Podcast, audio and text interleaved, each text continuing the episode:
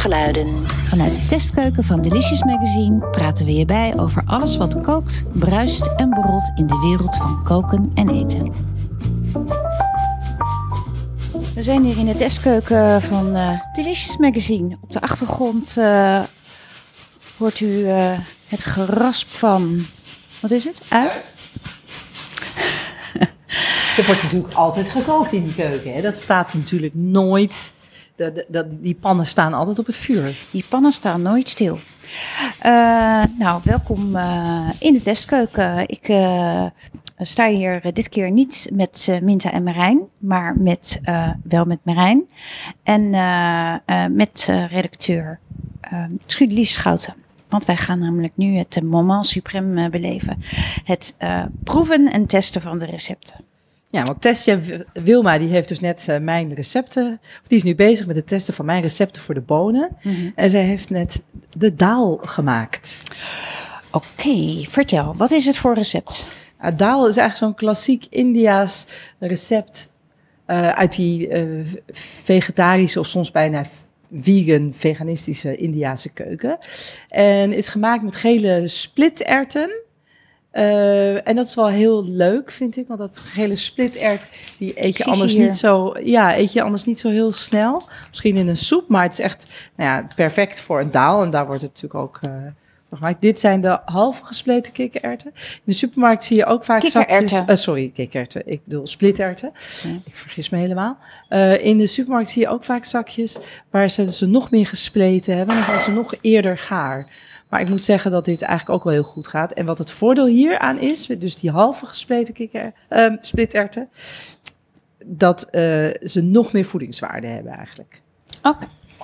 Want uh, ik zal je heel eerlijk zeggen, ik uh, spreek maar even met de mond van, uh, van normale boodschappers in Nederland. Ik heb dit nog nooit in de supermarkt zien liggen. Ja, ligt er dus wel echt. Oké, okay, ja. niet goed gekeken. Ja, ja, maar dat is toch leuk, wat ontdekken? Ja, iets wat je niet gebruikt, daar kijk je ook niet gauw naar. Tenzij je het voor een recept nodig hebt. En dan denk je opeens, oh, het ligt er toch. Ja, dat nou, is ik, ik gebruik het zelf ook niet echt heel erg vaak hoor. Maar als je een daal wil maken, is het gewoon wel, uh, wel heel leuk. En dan is het ook fijn dat je dan dus niet naar de toko hoeft, maar het gewoon bij de supermarkt kunt halen. Ah, en bonen zijn hot, hè? Bonen zijn hot. Ja, en bonen zijn eigenlijk stock out natuurlijk, maar ook weer helemaal van nu. Ja, want jij bent op reportage geweest naar een uh, bonenboer. Een ongelofelijke leuke bonenboer. Een ongelooflijk Ik denk leuke wel, misschien wel de leukste bonenboer van Nederland. Zo, en hij heet? En hij heet Henk. Henk. En Henk, Henk Zuidema. Zit, Henk Zuidema zit in? Jistrum. Een klein dorpje in de Friese Wouden. Oh, fijn. Nou, vertel, wat heb je nou, allemaal uh, beleefd daar? Henk heeft daar een soort van, ja, eigenlijk een soort van uh, Shaki in de chocoladefabriek, maar dan voor bonen. Hij heeft een soort van boerenerf. Eén grote chaos, maar een hele leuke, fijne, prettige chaos. Waar hij allerlei soorten oude bonen teelt. Vergeten bonen. Uh, ja, je vergeten, vergeten Nederlandse bonen. De Stiense pronkbonen. Friese woudboontje, gele boontjes, gele nierboontjes, nee, groene nierboontjes. Nou, het duizelt bijna aan de, de hoeveelheid. Alleen al negen soorten tuinbonen, waaronder paarse. Nou ja, en Henk die uh, zorgt ervoor dat we inderdaad dat soort bonen niet uh, kwijtraken. Uh, en die laat andere telers dan die bonen weer op grotere schaal telen. En hij verkoopt ze zelf op twee markten in het noorden van het land, in Leeuwarden en in Groningen. En ik probeer nu Henk naar uh, het westen, de Randstad te halen. Want wij willen Henks bonen ook. Wij willen Henk ook. Sowieso ook Henk erbij. Want iemand die zo met zoveel liefde en zoveel passie over bonen vertelt. Ja, dat is echt een genot om naar te luisteren. Leuk. En wat heb jij daar ontdekt? Wat nou, jij zelf nog niet wist, behalve al die bonensoorten dus? Ja, nou, die, die, vooral die paarse tuinboon. Uh, nou ja, eigenlijk ook ontdekt dat we. Ik bedoel, bonen heb ik altijd heel erg in die mediterrane hoek gezien. Mediterraan, inderdaad, India's. Um, maar dat we in Nederland zo'n rijke bonenhistorie hebben. Dat vroeger mensen heel veel bonen aten. Mm uh, nou, wel vaak natuurlijk heel simpel, hè? Bonen met spek uh, en stro. Lekker.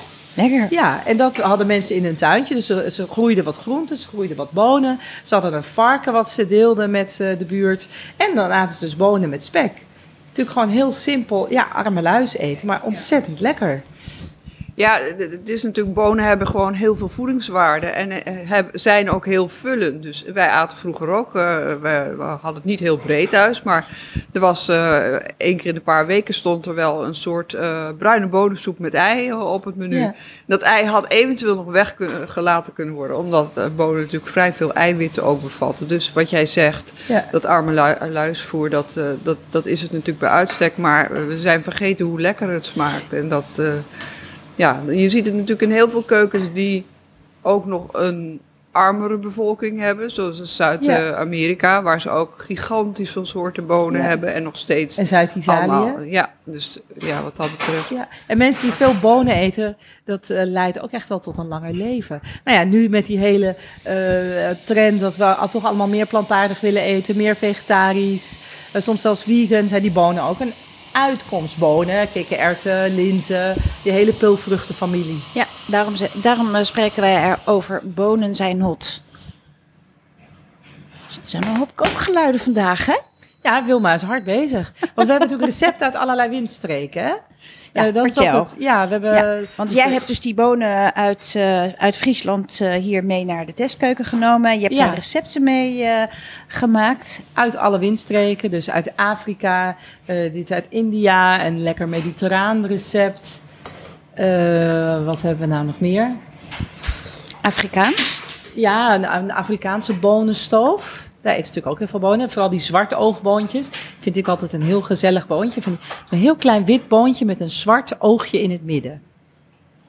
En ehm nou, kidneybonen.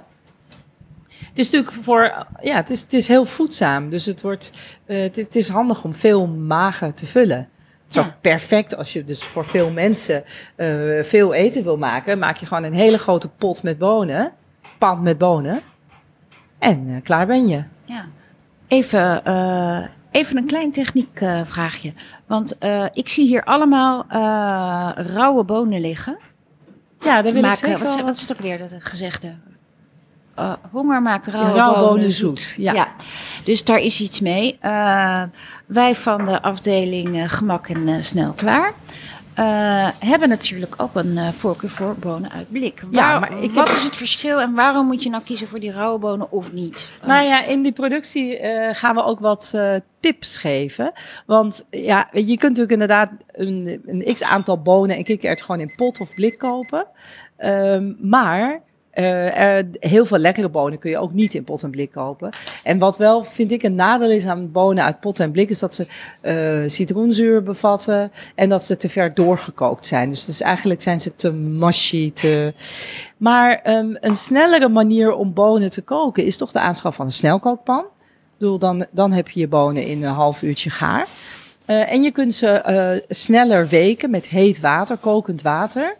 Eh, het hangt altijd af van hoe oud de boon of peulvrucht is, hoe snel dat gaat. Maar dan kun je toch in relatief korte tijd eh, je bonen weken en koken. En wo- hoe Maar- weet je nou als je je boon geweekt hebt dat die eh, klaar is om gekookt te worden? Ja, je ziet het wel echt, want hij zwelt behoorlijk op. En je ziet dus ook bij bonen die inderdaad vrij vers zijn, dus van het afgelopen seizoen, dat die heel snel opzwellen.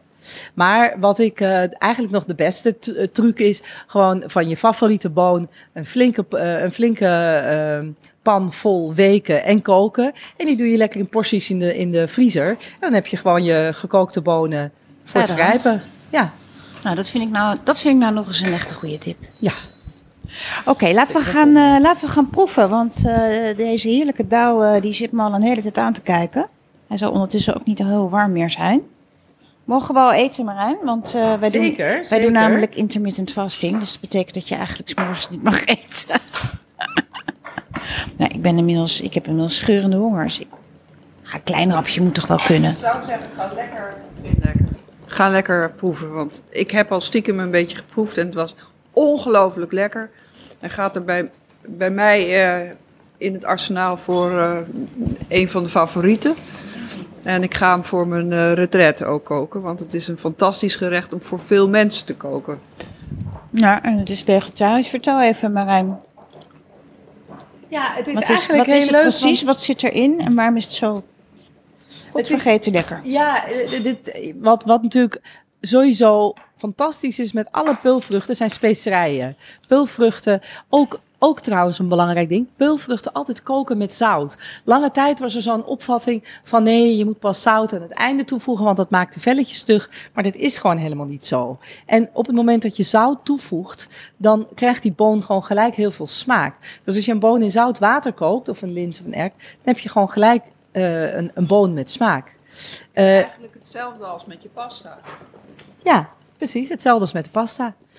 Nou ja, en specerijen gaan ook geweldig met peulvruchten. Dus deze daal die bevat een, uh, een zelfgemaakte masala, wat eigenlijk gewoon heel easy is als je de specerijen in huis hebt.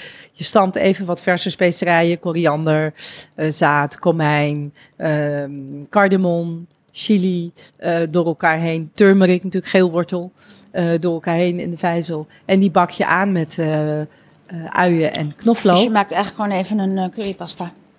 Nou, het is, eigenlijk, het is eigenlijk niet eens een pasta. Het is gewoon even een, een, een specerijenmengsel. En de, daar bak je lekker die, uh, die gele splitterten in totdat ze uit elkaar vallen. En dan kook je het in tot de dikte die jij lekker vindt. Uh, een daal kan soepig zijn en een daal kan ook wat steviger zijn. Uh, en daarbovenop zit een, dat vond ik ook echt wel leuk, een, een cashew crème. Dus een crème van, van ofwel geroosterde ofwel ongeroosterde cashewnoten. Wat eigenlijk een beetje werkt als, als een yoghurt erbij, maar dan geen yoghurt. Ja, en daaroverheen dan een specerijenboter. En die zit ook weer over die chapati heen. Die mm. specerijenboter is met kaneel, cardamom, knoflook, uh, chili. En dat geeft dan weer heel veel smaak. En aan, het, aan de chapati, waar ook een beetje kikkererwtenbloem in zit. Dus die ook weer extra voedzaam die is chapati is echt ontzettend lekker. Ja, en dat komt dus vooral ook door die boter, die specerijenboter. Nou, en dan die specerijenboter uh, ook lekker over de, de daal heen. Ik vind het super goed geslaagd. Maar ja, het is echt ophouden, want het is, mag eigenlijk nog niet eten. Oh ja. Oké, okay, hey, en uh, uh, je vertelde dat jouw nieuwe vriend Henk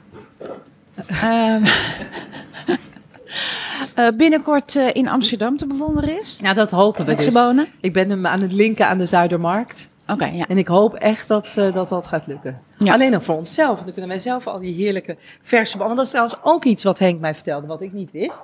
Is dat bonen uh, vaak met gassen bewerkt worden, met stralingen. Om zeg maar alle, alle beestjes en dingen te verwijderen. Mm -hmm. Maar dat ze ook in plastic worden verpakt. En bonen willen kunnen ademen.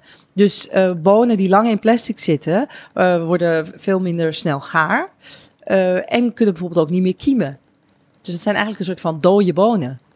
Uh, maar en Henksbonen niet. Nee, maar Henksbonen liggen daar, neem ik aan, uh, gewoon in grote hoeveelheden. En die hij gewoon uh, per, per 100 gram voor jou in een zakje stopt. Ja, Henk die, die verkoopt niet alleen zijn eigen bonen. Maar hij importeert ook linzen en kikkererwten. Dat zijn trouwens peulvruchten die niet goed in Nederland groeien. Te weinig zon en te nat. Uh, maar hij importeert ze uh, van goede leveranciers. En hij bewaart ze natuurlijk gewoon in papieren of in jute zakken.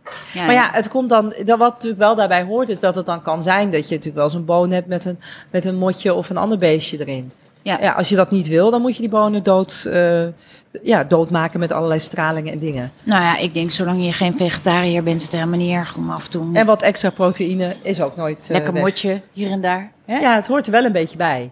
Kijk, we willen dan allemaal eten wat zeg maar puur en echt is, maar we willen ook geen beestjes. Ja, dat kan niet. dus dat zijn twee dingen. Ja, maar dat, ik denk dat we, dat, ons, dat we daar wat meer dat moeten omarmen, dat dat bij elkaar hoort. Ja. Nou, hey, nog uh, als uh, tot slot uh, nog heel even het, het woord aan, aan de tester eigenlijk. want um, dit gerecht staat je nu. hoe, hoe, hoe proef jij nou en hoe ga je nu bepalen of, of we nog iets aan het recept moeten doen? Nou, we hadden straks al eventjes geproefd, maar toen vond Marijn de daal nog ietsje te dun, dus die hebben we wat langer ingekookt hebben ook een discussie gehad over uh, wat is nu dik, wat is nu soepig. Hè? Dus, maar goed, dat, dat, proberen we in, de, in het recept dan weer uh, te, eh, te zeggen, te, uit te leggen in zo kort mogelijk woorden. Maar je, je wilt dus dat het er mooi uitziet. Want ja, zien doet ook eten. En als het er niet mooi uitziet, wordt het de drempel hoger om daar aan te beginnen. Um, dus nou ja, we, vinden dit er allemaal gewoon ontzettend lekker uitzien. Die broodjes zien er ook waanzinnig lekker uit. En het smaakt gewoon allemaal lekker. Het is allemaal soort in balans. Uh, ja, kruidig. Uh, er zitten heel veel smaakjes bij. Die cashewcrème uh, geeft een extra dimensie aan die, aan die daal. Um, al die specerijen maken gewoon dat die. Dat, op, op zich zijn bonen puur. Als je alleen maar bonen eet en er niks mee doet, is het een beetje saai. Maar dat geldt voor alles. Je gaat ook niet een bord pasta zonder iets uh, erbij eten. Dus ja, wat dat betreft, uh, al die specerijen en die uh, Indiase keuken, daar, daar kan dat heel goed bij. Dus ja, helemaal goedgekeurd dit. Oké, okay, helemaal goedgekeurd. En uh, uh, binnenkort is uh, in Delicious editie 3. Oké, okay. Dankjewel. Hè? Dit was Kookgeluiden. Ja, we zijn weer aan het einde gekomen van een nieuwe aflevering van Kookgeluiden. Um, over bonen dit keer met dank aan testkok Wilma Schijnders en culinair redacteur Trulie Schouten en natuurlijk Marijn Tol. Ja, ik kan het wel over dat blad gaan hebben wat in de winkel ligt nu. Maar ja, ik weet niet precies wanneer jullie hier naar luisteren. Maar ik wou toch even gezegd hebben dat uh, die bonen, die zijn natuurlijk fantastisch. We hebben natuurlijk de gele spittertedaal met die cashewcrème en spicy cardamomboter. Die we net geproefd hebben. Maar we hebben ook Argentijnse empanadas. We hebben Afrikaanse bonenstoof. Spaanse bonensalade. En zo kunnen we nog eindeloos doorgaan. En dat is wat wij hier doen bij Delicious. Altijd maar doorkoken. Tot de volgende keer.